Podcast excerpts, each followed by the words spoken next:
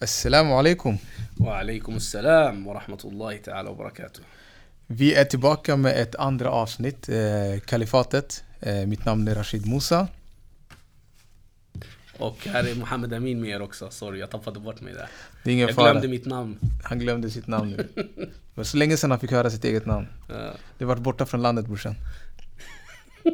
Men eh, vi är tillbaka med ett helt nytt avsnitt och eh, vi, eh, en, eh, vi vill först och främst tacka alla som har lyssnat och delat på det första avsnittet. Eh, vi gjorde en comeback för någon vecka sedan. Och eh, nu är vi tillbaka med avsnitt två. Och eh, vi vill tacka också alla som har tipsat oss om vad vi ska prata om och vad vi ska liksom ha för samtalsämnen framöver. Och, och tacka framförallt alla som har liksom spridit podden och, och så vidare.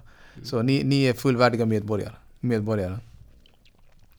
Än idag så ska vi fortsätta att prata med, om koranbränningen för att det känns verkligen fortfarande aktuellt.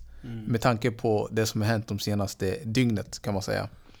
Eh, Vi gick in lite förra avsnittet om det som hände i Malmö och, och reaktionerna och, och utspelet och vad, vår syn kring det hela. Men nu verkar den här frågan ha aktualiserats igen med tanke på att eh, det var samma fascister, eller fascistgäng som eh, gjorde en aktion eh, tidigt på morgonen i, i Rinkeby. Eh, där de liksom försökte i alla fall bränna en koran. Och sen la, sp- spelade de upp det med någon mobilkamera eller videokamera och sen la upp det på deras rasistmedia Precis. och spred det. Och sen har de försökt också söka tillstånd att få göra flera aktioner runt om i Stockholms förorter. Vad du sa? Fem olika getton eller vad var de kallade det? Ja, fem olika getton i Storstockholm. Eh, Järva, Botkyrka, jag har till och med fått höra Järfälla och Sollentuna och så. Mm. De, de satsade tror jag på ett par, men de gjorde några extra. Mm. Som de verkade ha som en, eh, som en reservplan om de inte skulle få på de här områdena. Precis. Eh, Och anledningen till att vi pratar, gör en del två är just för att vi har fått också några frågor som jag kommer ta upp på slutet, eh, vilket jag har glömt att bolla där med dig. Men det, det frågor har kommit in i både mailen och på Instagram. Jättebra. Eh, som vi kan ta upp, som är också väldigt relaterbart till det här. Som vi också kan liksom eh, avveckla.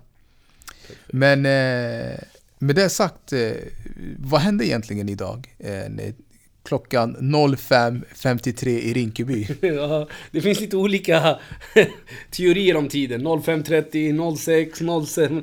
Men Det någon, det, det, var, hu- det var fett tidigt i alla fall. 05.57, men alla verkar landa mellan 05.30 och 06. Ja, precis. Ehm, ja, jag, jag tror att vi, vi låter lyssnarna själva försöka avgöra varför de valde en vardag mellan 05.30 och 06. Eh, och eh, då tog de sig då dit från Danmark. Jo, ni ser, folk har inget liv. Mm, eh, åker hela vägen för att eh, eh, göra en aktion på några sekunder. Okej, så Men det den, måste vi säga. ja, den varade Alltså alltså, man, inte så de, länge? de åkte hela vägen från Danmark till Sverige. Bara gud vet hur många timmar det tog.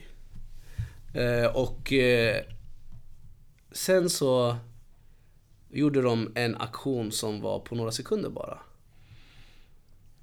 Alltså, de filmade bara några sekunder.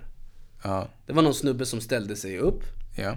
Eh, man ser när eh, filminspelningen eh, liksom att han står vid en bil med två dörrar öppna då, passagerarsätet och då även passagerarsätena där bak. Jag utgår ifrån att det var en plats, säkert en dörr för honom och en dörr för den som höll i telefonen eller kameran som de filmade med. ja, de var ju redo i alla fall. Ja, precis. De var redo att hoppa in i bilen snabbt. Den saken är helt klar. Och eh, sen eh, hade han någon flaska i handen, tändvätska eller någonting liknande. Satte på den, hällde det på den här då Mushaf-boken där Koranen finns eh, skriven då. För de som inte vet vad Mushaf är. Och så tände han då på den. Och sen i videoinspelningen tar med, han säger någonting på danska som ingen fattar förutom de själva och sen så tar inspelningen slut. Och det intressanta är att det här liksom hyllades tidigt i morse av eh, nazistiska medier och eh, neofascistiska medier liksom. Vad modiga de Ja, är. det var, Titta. alltså det var verkligen man fick, alltså eh, Jag kan tänka mig att de här neofascisterna verkligen satt hemma där och tyckte att de var jättehäftiga och... och Som åker till Rinkeby 05.53 eller vad det är. Ja, precis. Och är där i typ 10 sekunder och sen åker iväg. Ja, precis. Jag tror att motorn var igång också när höll på. Säkert, säkert. Det skulle inte förvåna mig. Men det som är intressant är att vi fick ju höra den andra sidan. Det är alltid viktigt att höra den andra sidan. Och vilket i det här fallet är den sanna sidan. Ja, den sanna sidan absolut. Eh, den sidan som, den delen som inte kom med i, i filminspelningen självfallet. Och det var tydligen så att trots att det var så lite människor ute i, i Rinkeby den här morgonen så var det nog en, eh, en skön broder som eh, upptäckte vad som höll på att hända. Och han gick väl fram för att konfrontera dem, eller konfronterade dem. Och eh, det var då, i den här stunden, som de troligen stänger av sin telefon, hoppar i bilen och åker iväg. Ja. Men det vill de ju självklart inte visa i filmen. De är ju hjältar. De är ju rena supermans som ska komma och skydda yttrandefriheten och allt möjligt. Och då kan de ju inte bara hoppa in i en bil och sticka iväg för att en person, en ensam person, kommer och konfronterar dem. Eh, så...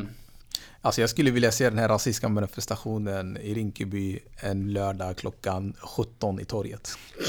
Kommer aldrig hända. De valde ju 557 av någon anledning. Precis. Jag gillade däremot någon som hade sagt en eh, väldigt skön kommentar och sa så här. Tur att det inte är de här personerna som skyddar våra mänskliga fri och rättigheter. För då hade det varit åt helvete liksom. Jag menar, om de drar efter 10 sekunder, vi var inte någon vidare hjältar att skydda våra friheter liksom. Nej. Så eh, det här är ju väl en påminnelse ännu en gång till oss allihopa där ute som ogillar eh, fascism, som ogillar eh, rasism om alla dess slag. Att vi måste ta den här kampen själva. Att förvänta sig att eh, eh, fegisar ska skydda våra, vad heter det, principer, värden, eh, rättigheter. Det, ja, Det kommer aldrig hända. det är som att satsa på, jag vet inte. Åka till Las Vegas och satsa alla sina på svart 27 i roulette. Jag vet, jag har aldrig varit där men de säger att det är ingen bra idé. men eh, en, eh, de gjorde den här aktionen, eh, den rasistiska manifestationen och sen spred de det på nätet och sen uppstod det ju massa mm, diskussioner att de ska göra det på fler platser och, eh, och alla var lite, liksom, lite småspända. Politiker uttalade sig, polisen tror jag Polisen jagade en, en Blå- bil med dansk... eh, Ja, en blå Skoda med dansk reggskylt. Så om ni ser den någonstans så kan ni ringa 114 14 tror jag det är. Ja, precis. Och säga att, eh, att för det är förmodligen det är den bilen som de använder. En Med tanke på att de bara spelade in några sekunder och försvann så tror jag att de snart är framme i Köpenhamn nu alltså. Precis. Kolla, kolla, kolla gränserna. Det är, det är ni nere i Skåne som ska hålla koll. Eller hur? De är säkert försvunnit från Stockholm. Long sen way back. Europa, Ja, eller- Sverige, världen. Ja. ja, katastrof alltså. Men, eh, och det är också, de kunde inte valt en mer diskret bil. Alltså den är knallblå Skoda alltså. Med dansk registreringsskylt. Mitt i Rinkeby och sätta eld på en bok. Man bara Alltså. liksom, kom igen. Nej men tjena. Det tog bara några sekunder innan ni blev upptäckta. Eller hur? Men, eh, men när det här hände så... De kunde inte cykla över som de gjorde i Rosengård. Nej, Rosengård så var vid, cyk, vid cykel eller någonting. Cykelväg var det kanske. Nej, det kanske bara var en cykelväg. Ja, det var en cykelväg. Ja. Alltså du menar att de brände... Just det, Ja, precis. Vid en cykelväg Precis, och filmade. Som var lite också, eh, lite off från Rosengård. Det var inte Ja, mitt ja. i Rosengård utan det var verkligen i periferin av Rosengård. Alltså torget i Rinkeby låg ju väldigt nära. Så hade de bara promenerat en minut så hade de varit inne i Men torget. de kan inte köra bilen in i torget. Nej, och de kan inte gå till De kan torget inte gå själva. till torget själva. Trots att det är fem Och det här är 43. ganska intressant, för det här är den sjuka grejen här. För att när de väl har gjort det här, eh, det här bevisar den tesen som vi pratade om förra veckan redan. Att de vill flytta fram sina politiska positioner genom skattemedel, det vill säga genom att polisen skyddar dem. Och när de inte får det polisbeskydd som de, som de vill ha, då gör de de här aktionerna i alla fall. Men de gör det eh, inte som en som tror på en fråga, utan de gör det liksom väldigt på det här fega sättet. Och jag, fine, alltså det är förståeligt på ett sätt. jag, jag menar, men, men fortfarande att samhället inte kan se efter man ser alla de här agerandena och hör om dem och hur de beter sig, inte kan förstå faran i den här aktionen som de utför och se faktiskt hur de försöker provocera fram motreaktioner för att flytta fram sina egna politiska positioner. Det tycker jag är ett problem. Det är ett stort problem. Jag, alltså jag tror, jag hade hoppats att samhället eh, i sin helhet, eller stora delar av den faktiskt skulle kunna förstå det här och se problematiken. Så långt bort ifrån oss är inte fascismen rent historiskt heller. Så, och vi har liksom läst det under hela vår barndom i skolan för att vi ska lära oss ifrån det. Men jag fattar inte, vad gjorde folk under historielektionerna? Det undrar jag. Jag tror att de skolkade. Ja. Jag kollar närvaron eh, på eh, hela 70-80-talet. Eh, och 60-talet också. Kolla närvaron på eh, historielektionerna. Generellt i landet. Jag, jag tror folk skolkade. De tänkte ah, historia, varför ska vi gå på historia? Gick de ut och gjorde annat istället. Och nu är vi här igen. Men, eh, men politikerna har ju liksom uttalat sig eh, om den här manifestationen. En, eh, en, jag, vet, jag har inte läst hela, du har ju läst dem. En, Det är Stockholm stad som har gjort ett, ett uttalande, eller hur? Mm. Har Botkyrka också gjort ett uttalande? Mm, Botkyrka har också uttalat sig eftersom de hade ansökt där också i Fittja Precis. och andra ställen tror jag. Vad, vad, vad säger de? Vad sa Stockholms stad? Alltså, jag vet inte, alltså, jag, alltså Stockholms stad uttalar sig. Eh, och du vet så här när man har suttit och väntat väldigt länge på att politikerna ska ta ansvar. Och så kommer till slut det här uttalandet, du vet, och man tänker äntligen liksom. Ja, framförallt ta ställning. Ja. Och vi har ju sett det här också lite med med hela den här, alla de här aktionerna att den nationella, alltså, den poli, alltså politiken på nationell nivå har ju varit väldigt tyst om det här. Man har inte pratat så mycket om, om de här händelserna. Det har liksom, när det var i Rosengård eller Malmö, då var det ju mest Lokala politiker. lokala politiker i Malmö. Och samma sak var det den här gången. För de som uttalade sig var ju gruppledarna i, i, i de, som, de som styr då i, I Stockholm. i Stockholm. Eh, och eh, de här gruppledarna då skriver under det här uttalandet. Och det är som, och det, det är liksom som jag sa, man, man sitter verkligen och väntar på det och så kommer det du vet, så tänker man äntligen. Och sen läser man och så blir man nästan lika besviken som man var från början. Jag säger nästan. Vi ska Ja. li, Du är ganska jag får snäll säga alltså. lite positivt i det. Jag är fett besviken alltså. Och det, det är det. Och det är varför man säger nästan lika. Det är ju det. Det är besvikelsen. Mm. Eh, man förväntar sig att den politiska eh, eliten, eller vad man ska kalla dem, den politiska, eh, vad heter de Etablissemang- ansvariga ja, politikerna i Stockholms stad, som är huvudstaden, Ja. ska faktiskt ha tillräckligt med expertis.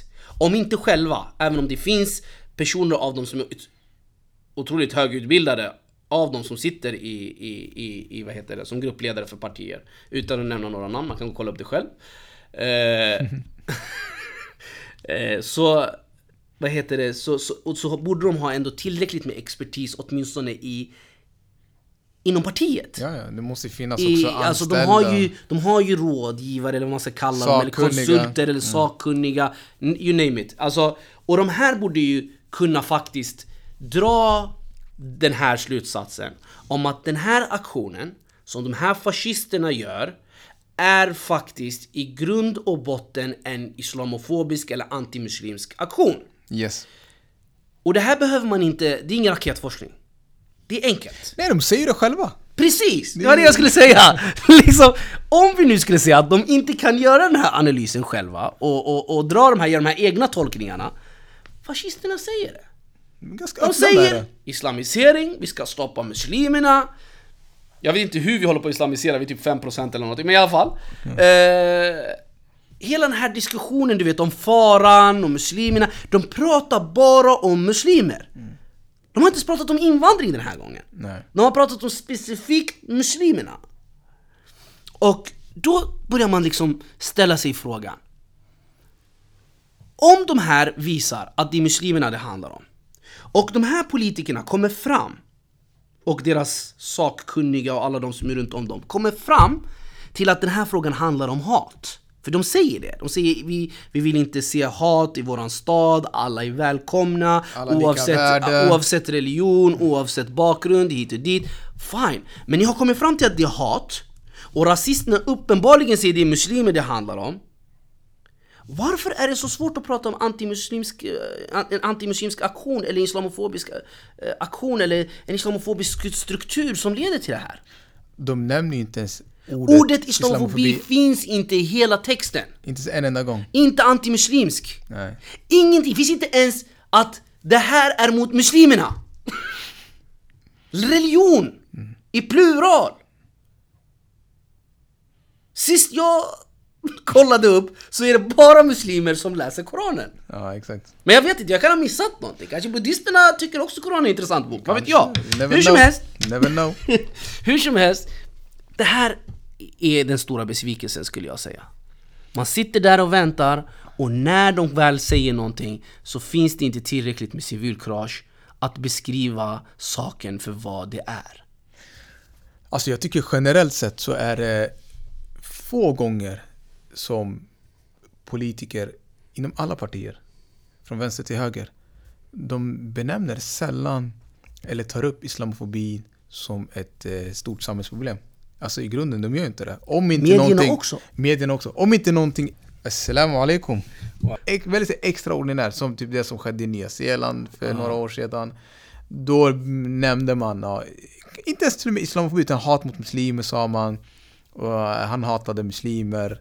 Eh, Men Men det är det, det blir fortfarande en individuell Ja, alltså, Och det är också ingen- ett problem. Precis, de, de kunde inte framea det här i ett, eh, i ett islamofobiskt samhällsklimat som har verkat i flera år. Och det är det som också Och det är samma sak här. här också, precis. Och det som är grejen också, att det är därför när jag läste det här uttalandet, det är delar av det. Jag är egentligen inte så förvånad att de gör en väldigt lam en, eh, liksom, uttalande Mm. som inte säger någonting. Och jag tycker det här liknelsen som du sa innan vi började spela det in, det är lite som det här när eh, när eh, folk säger Black Lives Matter och sen kanske någon annan säger ja men All Lives Matter. Det vill säga, Precis. och det här uttalandet, det var lite mer som All Lives Matter. Ja, alltså det- även om det är just nu muslimer som blir angripna, det är muslimer som utsätts eller utmålas som ett hot, som ett problem, som man vill få bort. Men så ger staden ett uttalande som är typ som All Precis, och det är det. Och, och, och det, blir så, det blir så fruktansvärt för att då tar man ju inte tag i problemet. Alltså du, som det här med, med Black Lives Matter, det är samma sak. Alltså folk säger All Lives Matter. Alltså herregud. Vem är det som blir skjuten? Vem är det som alltså är överrepresenterad i allt som är dåligt i samhället som utförs ju mot dem som folkgrupp? Alltså vi måste ju kunna prata om de strukturella problemen. Och om de strukturella problemen liksom, som finns i samhället drabbar en specifik grupp, då måste vi väl kunna prata om dem som grupp. Problemet är att det blir alltid en diskussion när det kommer till exempel till svarta eller till muslimer i det här fallet eller så. Men det är inget problem att prata om, om det här till exempel när det handlar om andra grupper. Nej, precis. Alltså det är inget problem att prata om att kvinnor får lägre lön än män och göra specifika åtgärder emot det här problemet. Men under hela diskussionen innan, från att de ansökte att få bränna Koranen till idag i princip så finns det ingen som vill prata om islamofobi. Nej. Det, det är inte... Alltså islamofobi... Jag tror att det är mycket att göra med att det, de erkänner inte ens det som ett samhällsproblem. Utan de här islamofobiska aktionerna, de beskrivs som enskilda, enskilda händelser. Jag tror det är två saker faktiskt. Jag tror det är en annan orsak. Jag tror den första orsaken är som du säger. Jag tror att det finns en grupp som inte ens vill erkänna att islamofobi existerar. Och det har vi sett på människor som ibland till och med har svarat oss och säger Vadå islamofobi? Det finns ingen islamofobi. Uppenbarligen. Eh, så den, den, det tror jag är en orsak. Men jag tror att det finns en annan orsak också. Och det är att det är inte speciellt fördelaktigt att stå upp för muslimer. Absolut Det är inte. inte speciellt fördelaktigt att stå för, upp för svarta till exempel. Alltså vad tjänar jag på det? Och tyvärr har ju politiken blivit ju så allt mer, eh, alltså de senaste åren har vi känt av det tror jag som muslimer i alla fall, att liksom allt handlar om eh, inte bara i Sverige utan i hela världen har det väl blivit så, eller många länder i alla fall som, är, eh, som ändå klassas som demokratiska stater så har det blivit så. Liksom allt handlar om liksom valdagen, vad får jag ut av det? Precis. Liksom till och med i USA, där man analyserar idag så här, ah, men Trump gör inte det här, Trump gör inte det här Trump uttalar sig inte i den här frågan, Trump uttalar sig inte i den här frågan Varför då? Jo för att valet börjar närma sig, jag måste tänka på valet Alltså, liksom Ja, Hela tiden allt handlar det ska- om det. Allt ska kalkyleras. Och om man känner att man inte kan vinna någonting på det, då kanske man låter bli. Men jag tror inte bara att de inte tjänar någonting på det, utan jag tror att det kan kosta dem också. Ifall de Precis, eh, Precis uttalar men sig. jag, jag, Ja. de är ju liksom, det är samma orsak Precis. någonstans tänker jag. Eh, alltså det är antingen tjänar du ingenting på det eller så Kostar går det det, över och det Men kostar. man tänker här, och jag de- tror att det har hänt de senaste åren, alltså om vi ska vara ärliga liksom. Alltså det har ju varit... Jo men kolla alla, alla politiker som har eh, stått upp för liksom, muslimer och, Mm. och deras rätt att få existera och utöva sin religion och whatever. Många av dem har liksom försvunnit eller de har liksom blivit omplacerade eller de har blivit utmålade för att vara det ena och det andra, du vet och så vidare. Mm. Och till och med, jag vet att, inte så politiker som jag känner, men jag har sett liksom, politiker i offentliga sammanhang Mm. som har varit väldigt liksom försvarat eh, muslimer eh, från att utsättas för islamofobi ganska liksom verbalt Mm. till att eh, dra sig undan helt och inte säga någonting. Men vissa har till och med ställt sig på den andra sidan. Ja, ja, det har vi sett. att... I, Eh, i, I alla fall i, i specifika frågor. definitivt. Ja, ja. Det har vi ju sett mycket av. Och, och sen har det blivit också även medier liksom, som kanske har lite friare att prata än till och med politikerna och kanske inte förlorar lika mycket.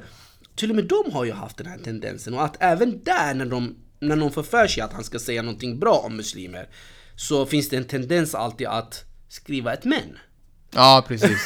Och vi kom, det finns ju många män i det här sammanhanget också. När det Precis. gäller koranbränningarna. Precis. Och, eh, det är så här, så. även de som har sagt liksom, ah, men det här är fel, liksom, att göra det här, så har det blivit men. Man ska inte typ förstöra. Ja men, det vet vi redan. Eller de här debattartiklarna som har skrivits, för, som eh, nu, eh, det var någon politiker som skrev en debattartikel på Expressen. Mm. Där han säger att ja, men det här är avskyvärt och eh, han nämner inte heller islamofobi i den här debattartikeln. Men han säger att det strider mot mänskliga rättigheter och yttrandefrihet att Mm. bränna liksom Koranen. Och så säger han, men självklart ska man kunna få kritisera religioner och dogmer. Precis. Fast det inte handlar om det. Det handlar inte om det. För det har aldrig varit en religionkritik. Och det här är att köpa neofascisternas Världsbild. världsbild och eh, förklaringsmodell. Det- Ja, det är det som är det Det grejen. är det som är det farliga och det är därför det är så farligt att gå och göra det här till en yttrandefrihetsaktion när det inte är det. Nej.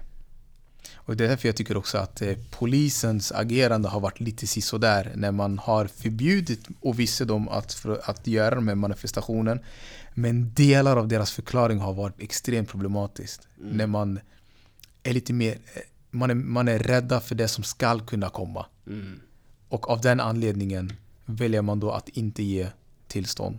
För att de ska inte få bränna liksom, Och eller här- utföra sin aktion. Och, och det här är verkligen, alltså jag... Eh, jag tycker polisen har agerat bra på många ställen. Men det där, just den där förklaringen tycker jag är en av de saker som de inte riktigt har eh, varit speciellt framgångsrika i. Eh, men vad jag menar är att här, just det här med att de lägger fokus på vad som komma skall istället på det som faktiskt vill göras. Och det är som faktiskt problem. händer. Och det förflyttar fokuset från förövaren till i det här fallet som jag ser det offret. Precis. Alltså jag menar så här, alltid i alla situationer. Jag vet att folk vill säga så här, ah, men ta inte på er offerkoftan och hit och dit. Men låt oss prata en sak för vad det är. Okej? I varje situation där vi har en förövare finns det ett offer. Sen att de inte vill känna sig som offer, det är en annan grej. Det får de börja göra bäst de vill själva på ett personligt plan. Men vi, vi beskriver en verklighet nu. Dessutom Förstår offer. du? Ja, offer alltså, man kan heller- inte, alltså om vi har en förövare, en våldtäktsman Då har vi en, eh, ett offer som har blivit utsatt för den här eh, våldtäktsmannens eh, förgripelse Alltså så enkelt Mm. är det bara, det finns, det finns ingenting att diskutera Jo, och det, är inte, handlar, det handlar inte om, heller om känslor. Det är i det precis. fallet. Utan det är vi- tillstånd. Det är tillstånd, tack. Och då, då pratar vi liksom om det här liksom nu. Okej, vi har en uppenbar neofascist och hans eh, svans som vill begå en, eh, en aktion som rent och skärt handlar om att förolämpa, nedvärdera, skada och i längden kanske till och med eh, förfölja systematiskt en grupp i ett samhälle. Den här personen kommer från ett annat land till Sverige. Mm. Så inte nog med att den här personen håller på att göra det här i sitt eget hemland, utan han ska komma och sprida sin neofascism över gränsen också. Och istället för att fokusera då på den här, eh, som jag skulle kalla en, en fiende till Sverige, i det fallet att han vill komma till Sverige och skada det svenska samhället och skapa mer polarisering ja, och splittra mellan människor och så ännu mer hat. Så för mig är det här en person som är en fiende till det här landet, för han vill ingenting gott i Sverige. Hade han velat någonting gott i Sverige så hade han, eh, vad heter det, eh, gjort någonting som, som gör situationen eh, bättre i det här landet. Och det är sjukt hur den här fienden till Sverige hyllas av så många så kallade Sverigevänner. Ja, det där är ju bara... Det är så här... Jag vet inte. Motsägelsefullheten i, eh, i sin bästa form. Alltså det kan inte bli mer motsägelsefullt än så. Att vara en Sverigevän och supporta en person som skadar Sverige. Det är som om Hagamannen skulle börja jobba i en kvinnojour. Alltså det är Ja, precis. helt galet. precis. Neofascist som ska skydda yttrandefriheten. Nej. Det är ju faktiskt det är ungefär samma sak. Ja, faktiskt. Och det här fick mig att tänka på en händelse en gång när jag eh, jobbade inom skolan. Eh, när det blev ett bråk mellan ett x antal elever. Problemet var att de var ett x antal elever, det blev svordomar och man puttade varandra och så vidare. Och eh, vi hade ett, ett gäng då, grabbar, och så var det en annan grabb som var ensam på andra sidan. Eh, när, jag, när den här situationen då skulle diskuteras för att lösas, då hör man ju allas version. Och det är självklart att de som är flera stycken säger ja men han gjorde också, han sa också, han svor också, han puttades också och så vidare. Och då kommer vi till det här, ja, men liksom han hamnade i den här situationen. Han agerade fel. Han besvarade våld med våld, han besvarade svordomar med svordomar. Men fortfarande, det var ju, han var ju i det här fallet i princip en person som var mobbad. Blev utsatt för flera personers påhopp samtidigt. Och det är självklart att han var offret i den här situationen oavsett hur man vill titta på det. Och den stora majoriteten i det här fallet var ju emot honom och han var ensam. Och det var de som började också. Det var ju de som startade den här situationen. Och det här är ganska intressant, för det är ungefär samma sak här. Alltså vi ser en uppenbar eh, liksom aktion som vill utsätta en liten, liten minoritet i samhället för, för en, en, en uppenbar provokation. Och sen så börjar samhället diskutera den här minoriteten Istället för att diskutera, i det här fallet, förövaren som startade allting. Precis. Det är som att man sitter här, i princip, och det här är faktiskt vad jag tycker att medierna gör i, i, i många fall, och även vissa eh, eh, politiker och även individer ute i samhället. De sitter mer eller mindre och försvarar mobbarna emot de som blir utsatta för mobbningen. Exakt. Och så undrar man varför vi har mobbning i vårt samhälle. Eller? Det, Det här är vuxna människor som sitter och vägrar se den här situationen för vad den är. det, är Jag vet inte om det blev tydligare så här, men jag var- försökte förklara det på ett... Det var supertydligt och pedagogiskt. Mm. Och eh, ett praktexempel på hur, det, hur folk ser den här frågan på. Och det föranledde ju till egentligen den här professorn som på SVT som skulle förklara huruvida det här är lagligt eller inte. Eh, och eh, det som är intressant, jag minns inte vad den här professorn heter, men det var ett SVT hade ett två minuters inslag där de intervjuade en professor där de ställde den frågan Får man bränna Koranen?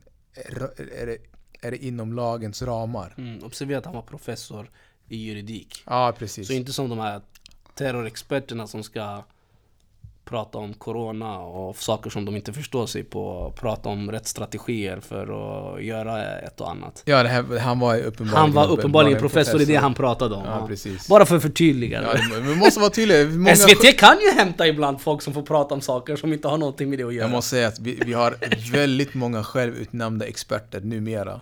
Eh, Och självutnämnda professorer menar, också. Hanif Bali får komma liksom och, och analysera valet till exempel. Alltså, det är helt Vad galet. fan Alltså. säger det om SVT alltså? Alltså, det, det är som att Peter Mang skulle prata om integration. Ja. Det är helt galet. Alltså. Men det är, men det, det, det är många självutnämnda. Men han var, han var professor och, och jag tycker också det var lite så här. äh, Det är så typiskt SVT eh, ibland. Alltså, jag vet inte om professor fick säga allting. Jag vet inte hur de har klippt. Jag vet inte hur hans slutord var.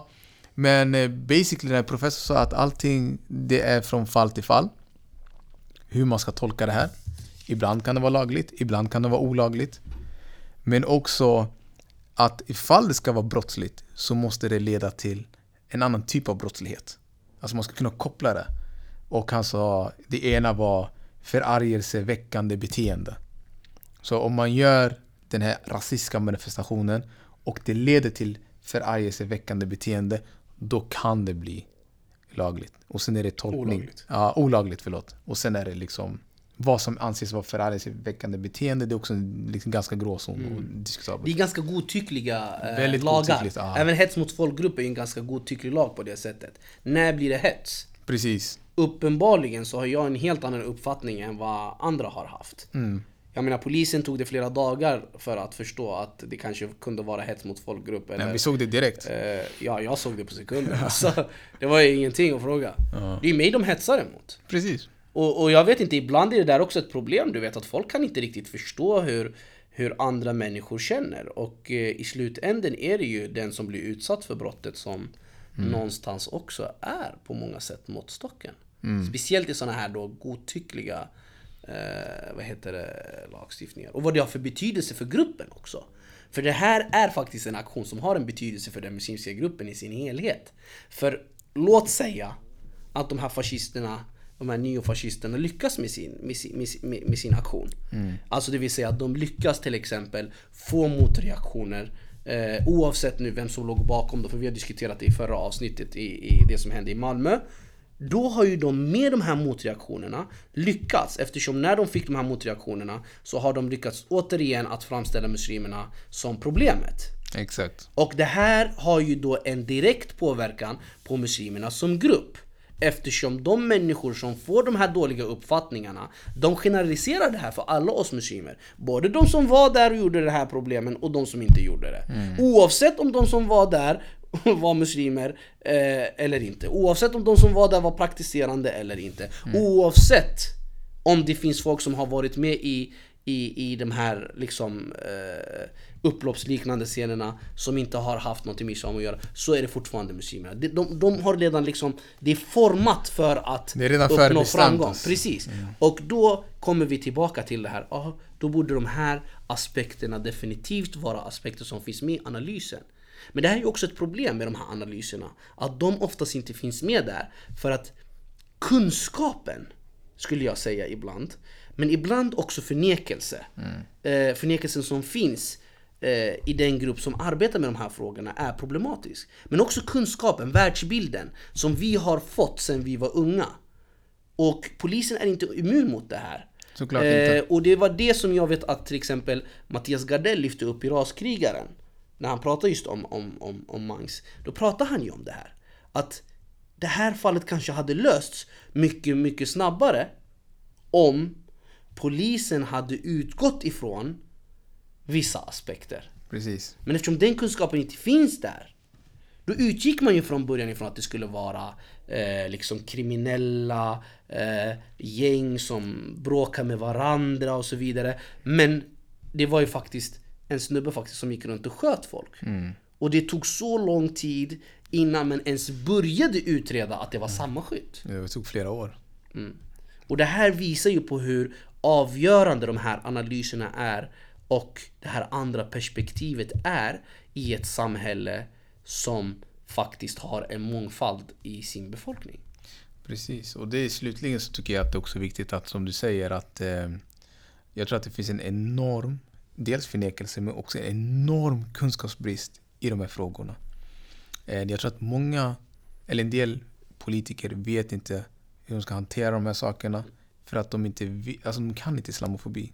Och de kan inte anti, antimuslimsk rasism överhuvudtaget. Men där har man också ett ansvar att söka den informationen och kunskapen. Precis. Man har ett ansvar att försöka lära sig förstå sin samtid och sin värld. Man kan inte bara låtsas som att ingenting händer och man kan inte låtsas som att, eh, att, Att Sverige ser ut som det. den gjorde förut. Ja exakt, alltså det, det, Och det är det som tider. vissa ibland ser som ett hot men samtidigt är det här en verklighet. Det är ett faktum. Sverige är idag ett mångkulturellt samhälle. Folk säger vi vill inte ha det mångkulturella samhället. Det är redan ett mångkulturellt samhälle. Så nu är frågan hur ska vi leva tillsammans med den här mångkulturen? Precis. Men en lösning som tyvärr de här neofascisterna vill, det är ju utradera den här mångkulturella samhället. Och hur ska du göra det? Det finns det bara två sätt. Antingen gör du dig av med de människorna som inte passar in i din norm. Eller så utraderar du deras identitet. Och i vilket fall som så begår du folkrättsbrott mer eller mindre. Precis. Och det är det här som är problemet. Alltså folk måste börja se de här sakerna för vad de är.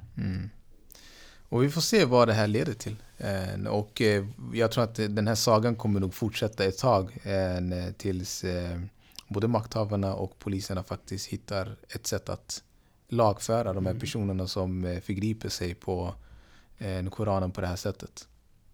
Jag tror att de kommer fortsätta. De har sett ett lyckat koncept i, i, i det här. Och, och där tror jag också att det är viktigt att både staten jobbar på det sätt som du sa liksom och, och, och gör rätt. Men också muslimerna tror jag behöver också hitta en strategi att inte ge de här människorna också den uppmärksamhet som de eftersträvar. Precis. Eh, och att eh, vi muslimer som grupp eh, inte ska bidra till de här neofascistiska gruppernas framgångar. Eh, det handlar inte om att säga att de får göra vad de vill, för det kommer jag absolut inte säga som vissa gör. Men det handlar ännu en gång om att vi som eh, individer och som kollektiv inte bidrar till en, en samhällsutveckling som skadar oss främst i det långa loppet. Exakt, vi måste vara taktiska. Alltså. Vi måste vara... Vi måste rikta Precis. vår eh, frustration. Vi måste rikta vår besvikelse. Vi måste rikta våra, alla de här negativa känslorna eh, åt rätt håll. Så skulle jag säga. Jag tycker det var en bra avrundning på det här avsnittet faktiskt. Tack bror. Eh, Men eh, vi kommer att eh, fortsätta att diskutera de här viktiga frågorna framöver. Som sagt, om ni har några förslag och idéer, det är bara att skicka till oss. emiren kalifatet.se Vi finns på Instagram, kalifatet, på Twitter, podden kalifatet. Så det är bara liksom skriva. Vi ska Och, kolla kanske också vad alla... Där man kan lyssna på oss på alla... ja, det är överallt. Överallt. Spotify, iTunes, Podbean, allt, allt. Så, så vi finns överallt. Du vet, vi kalifatet. Vi finns överallt. Vi lät det där lite farligt. Jag trodde det är dags att avsluta nu. Ja, det är dags att avsluta. Vi, vi har intagit, alltså överallt inom cybervärlden, okej. Det, det, är det, en- det är en värld i sig också. Ja. Eller? Och som sagt, kom med era förslag. Vi har redan fått några förslag. Vi, vi har inte eh, ignorerat dem. Nej, Utan vi kommer ta upp dem. Vi kommer ta upp dem. Ja, Alla ämnen bra precis som förslag. ni förslog har vi, Ja. precis, har vi haft i åtanke och det var jättekul att det kom från er också. Faktiskt, vi tänkte på de eh, ämnena och sen det är kul att våra medborgare, alltså lyssnare, Ja. eh, tycker och tänker samma sak nästan. Precis, så när vi säger medborgare då menar vi er lyssnare. Exakt. Och alla lyssnare är medborgare. Allihopa. Ingen diskriminering Nej. På grund av bakgrund, ingenting. Ni får medborgarskap direkt hos oss. Alla är välkomna i kalifatet. Eller hur? Jalla, vi får höras inshallah. Assalamu alaikum. Alaikum assalam wa rahmatullah.